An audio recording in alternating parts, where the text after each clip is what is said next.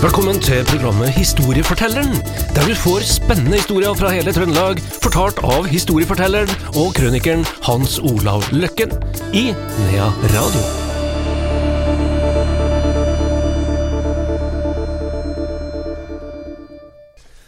Historiefortelleren tilbake her i Nea Radio. Det er Hans Olav Løkken som er vår historieforteller. Velkommen, Hans Olav. Jo, takk, takk, takk. Eh, vi skal snakke om noe som eh, du har vært eh, svært delaktig i. Det skal handle om OP-tjenesten, eller observasjonsflyging. Ja. Og vi skal etter hvert også møte en kompis av deg. Ja. Men observasjonsflyging, hva er nå egentlig det? ja, det er Det er hæren, det. Altså, Norge har jo eh, luftforsvar, altså eh, luftvåpenet, hæren og marinen.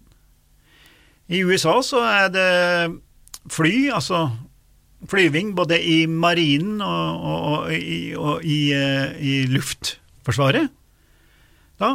Og vi hadde også en avdeling som drev med OP-flyving, observere fienden, småfly som tar av, leter opp fienden og gir beskjed hvor fienden er hen. For du ser alt bedre fra lufta, og da er det selvfølgelig noen som begynner å tenke droner.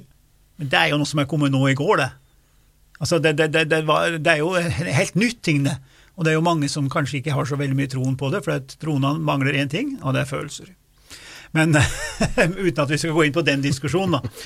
Her, så, så man etablerte allerede eh, i, under den tysk-franske krigen her da på, på, på, eh, på 1870-tallet og sånn, så, så launcha franskmennene en, eh, en ballong.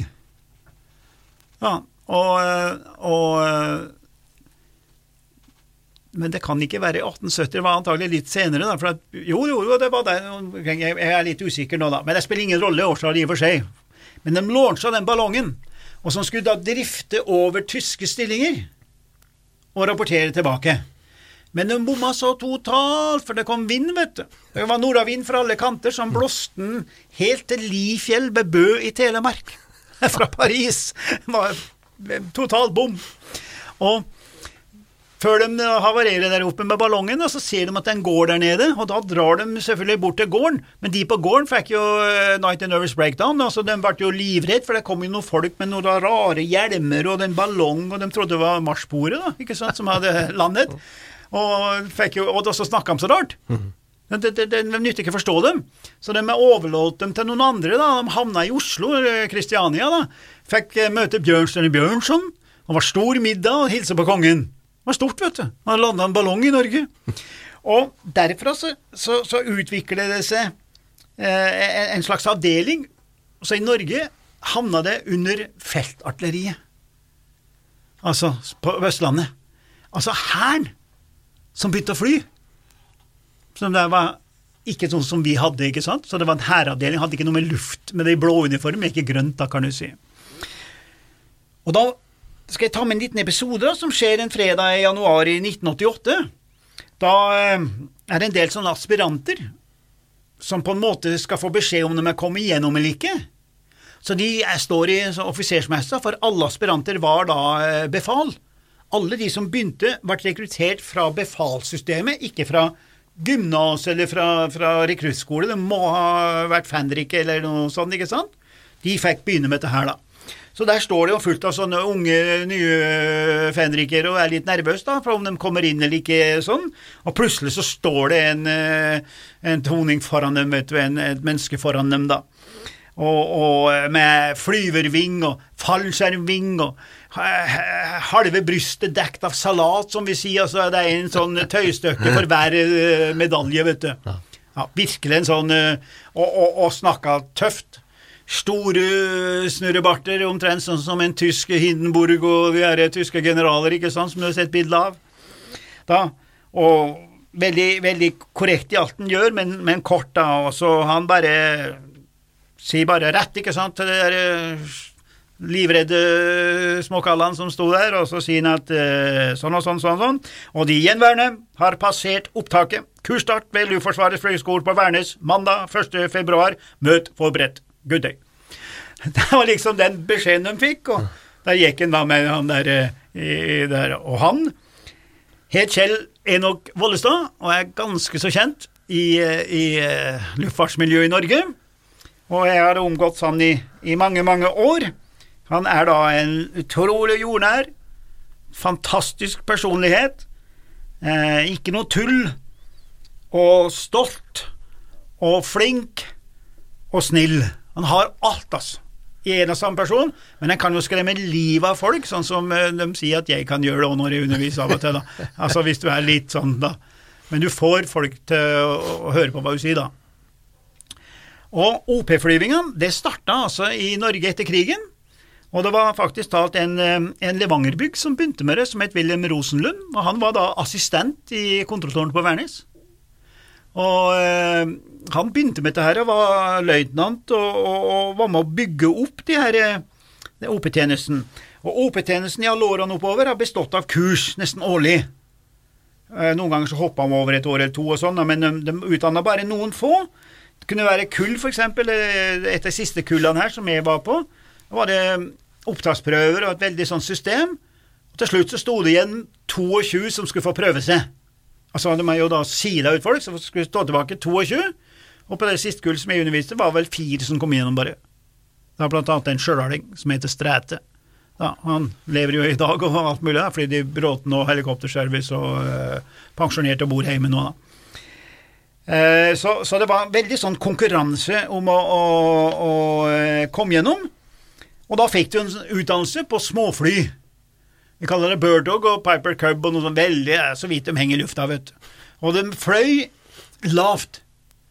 Og, og de har, har, en logo hvor det står 'Getting high by fly, flying low'. Altså at du ble høy på det, du var, var bra når du fløy lavt. Og det heter seg at, at de fløy ikke over tretoppene, de fløy mellom tretoppene, heter det seg. Så lavt var de. Og eh, han, Kjell Enok Vollestad, er den i Norge som har eh, flest eh, timer. To, jeg tror han har 8500 timer mellom, fjell, mellom grannleggene uh, rundt om i hele Norge. Det er ganske tøft, for det rista litt, skal jeg fortelle det, Andreas. Det, det, det, er ikke så behagelig å ligge og fly så lavt, det er litt mer behagelig oppe da, og sånn.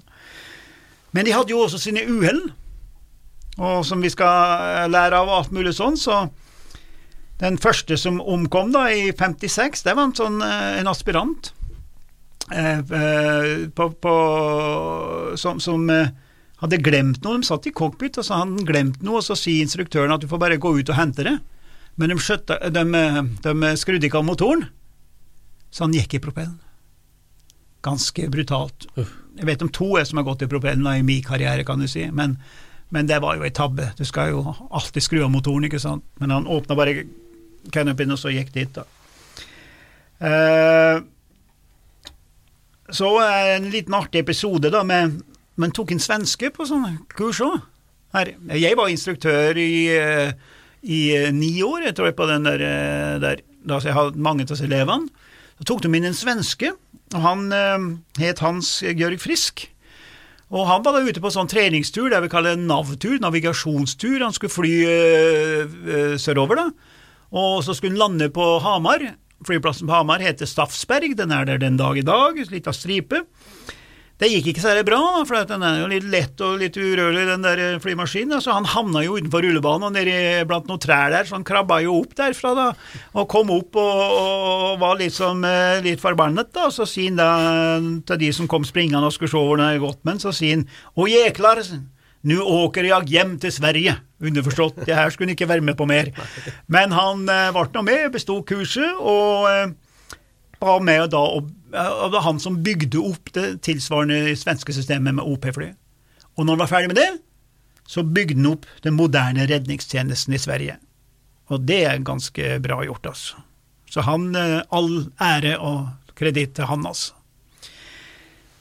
Så er det sånn at du blir veldig kjent med de her, eh, de her eh, folkene her når du, når du, underviser dem og sånn, og du følger dem. Mange følger liksom karrieren på. Og jeg har jo hatt én, uh, og så får jeg uh, sønnen hans, etter noen år. Og nå har jeg jaggu fått barnebarn òg, så nå er det på tide at jeg slutter. Men nå skal jeg slutte, og da har jeg avslutta.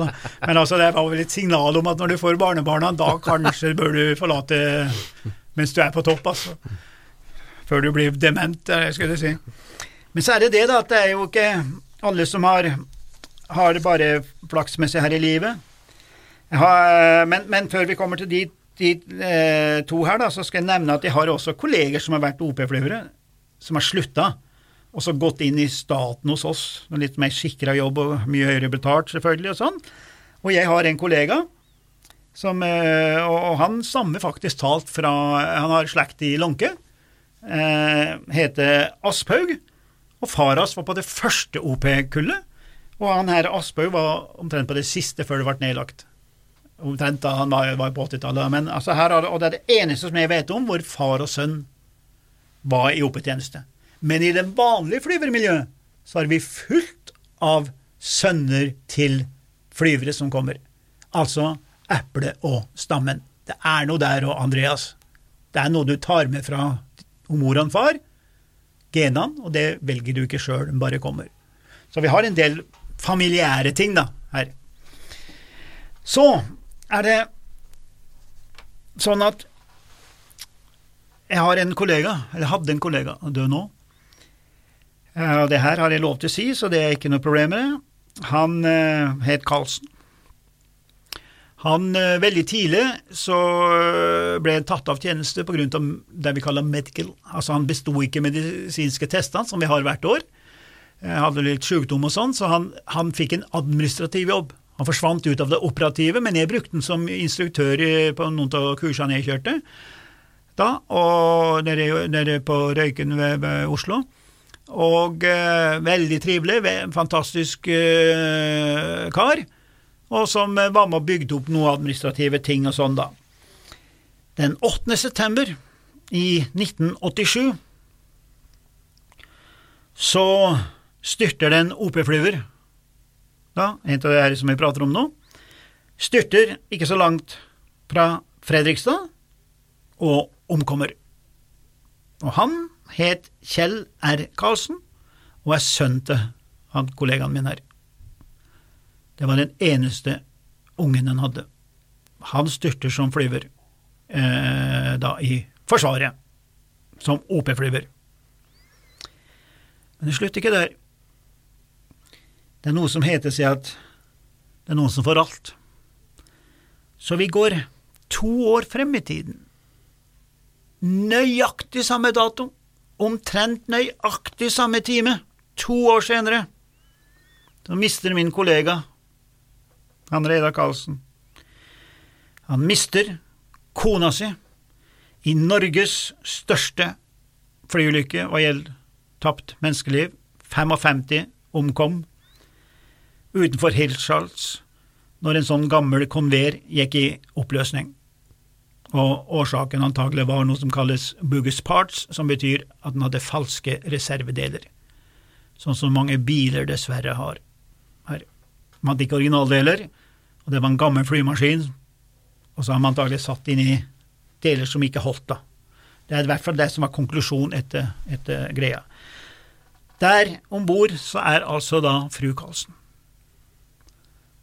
Så han mister altså sønn og kone, og det er alt han har, med to års nøyaktig mellomrom. Og da kan en liksom lure på hvem i all verden har bestemt det. Så det Jeg la det litt innpå meg. Jeg kjente den så godt. Og da, når du kjenner folk godt, så får du ganske mye medfølelse med det, hvis du er normal i hodet. Hvis du ikke kjenner noen og ser det på Dagsrevyen og sånn, så du registrerer det, men du får ikke de samme følelser. Så det, det har noe med, med det her at du at, eh, at, at eh, du er litt nære, da. Men så var det vår gode venn, da, han her eh, Kjell Enok, da, som har storgård nede på Løten og, og, er en kjempefyr. Han er veldig jordnær, og, og så har han tyngde. Det vi på engelsk kaller for consolidation. Vi bruker å snakke om det. Consolidation. Du skal ha tyngde i ryggmargen og, og sånn. Og kjernekar og, og, og, har jo vært med i seleksjonssystemet i like mange år som meg. Og vi som har drevet med dette, vi, vi behøver snart ikke ha tester, vi ser det med en gang du kommer inn i rommet om du er brukbar eller ikke. Du får en slags følelse av at her er det rett stoff, da.